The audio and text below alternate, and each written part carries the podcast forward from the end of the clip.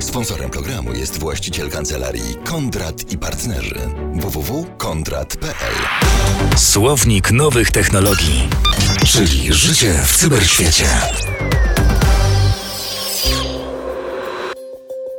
Coraz więcej na naszych drogach, e, chodnikach, e, w przestrzeni miejskiej nie tylko pojawia się elektrycznych hulajnóg, które e, prawo do końca chyba na razie jeszcze nie wie, jak traktować. Radca prawny Krzysztof Bąk w Classic. Czy rzeczywiście tak jest?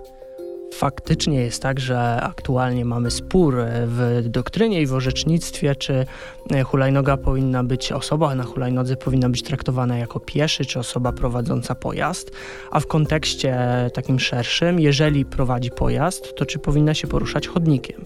Bo jak wiemy aktualnie większość hulajnóg jest zostawianych na chodnikach. Na chodnikach są miejsca, gdzie można te hulajnogi wypożyczyć zazwyczaj. E, no i oprócz ścieżek rowerowych, które są takim naturalną przestrzenią, wydawałoby się, do poruszania się hulajnóg, to chodnik jest e, drugi, na drugim miejscu, jeżeli chodzi o popularność miejsc, e, po których hulajnogi się poruszają.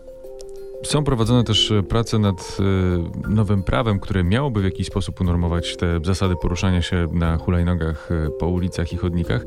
Do tego za moment przejdziemy, ale najpierw powiedzmy, jak w tej chwili traktowana jest hulajnoga? To jest rower, człowiek na hulajnodze to jest pieszy. Jak mamy na to patrzeć?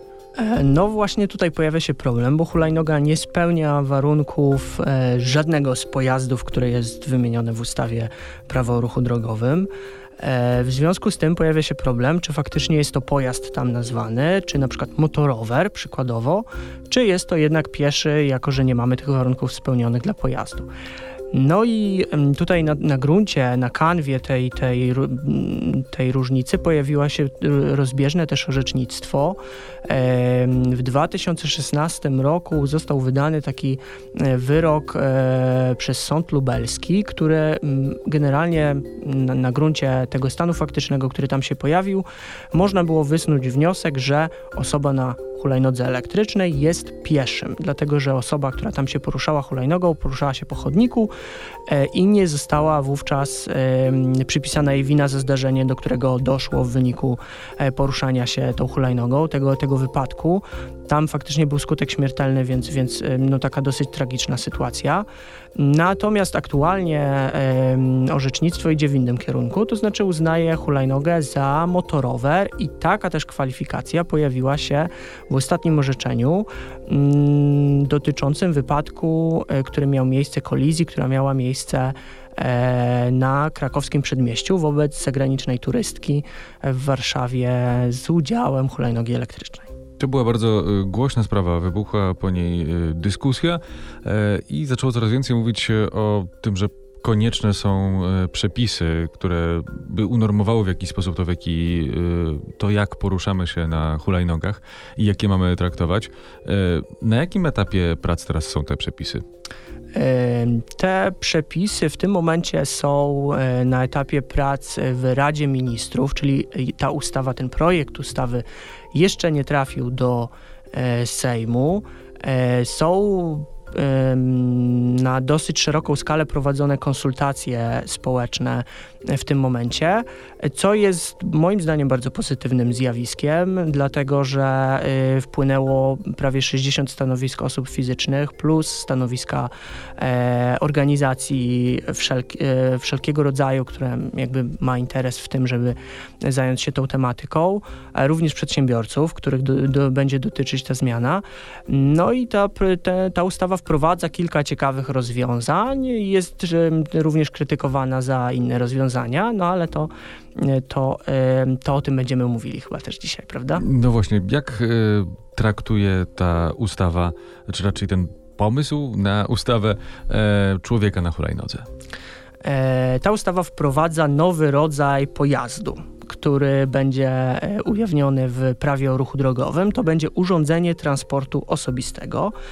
E, i pod tą enigmatyczną nazwą kryje się de facto hulajnoga elektryczna, dlatego że warunki, e, jakie musi spełnić urządzenie transportu osobistego, w zasadzie spełniają wyłącznie hulajnogi elektryczne i to też nie wszystkie, czyli na przykład ograniczenie masy do 20 kg, ograniczenie prędkości konstrukcyjne do 25 km na godzinę, No, jeszcze szerokość 1,25 m, jakby tutaj nie będziemy mieli do czynienia z niczym innym niż z hulajnogą elektryczną.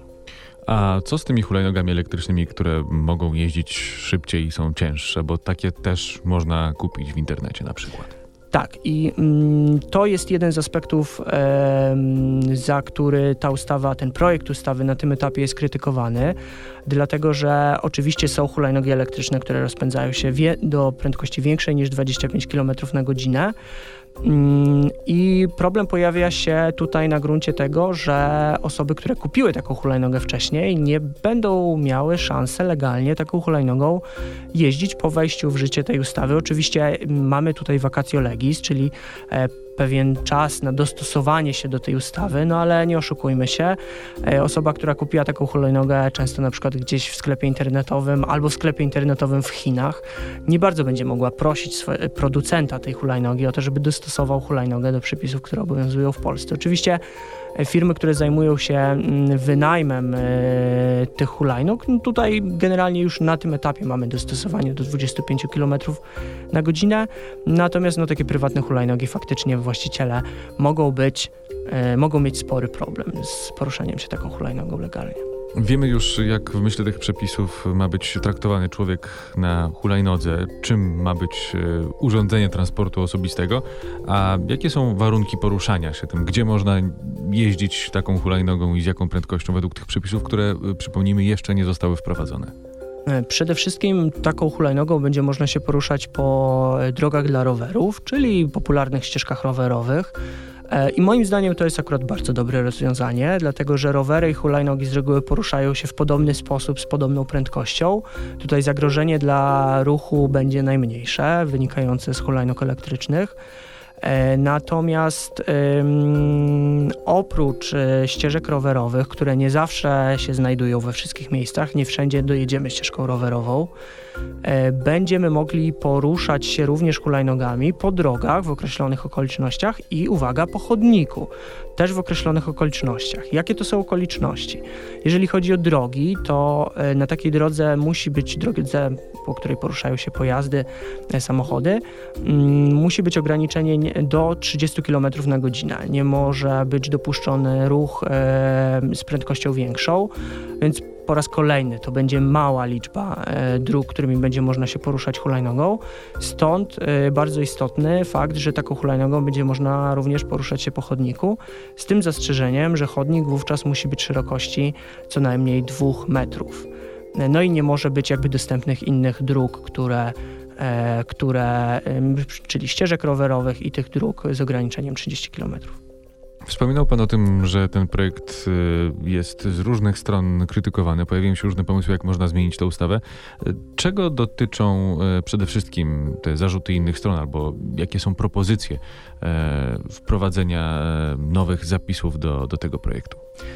Myślę, że dwa takie najistotniejsze zastrzeżenia w stosunku do, do tej ustawy e, dotyczą możliwości poruszania się po, chodników i, po chodniku i zasad poruszania się po chodniku przez, przez hulajnogi. To też jest aktualnie chyba najgłośniejszy, e, najgłośniejszy temat, który dotyczy hulajnog elektrycznych mm, i zagrożenia, które potencjalnie takie hulajnogi albo nieodpowiedzialne poruszanie się nimi może powodować.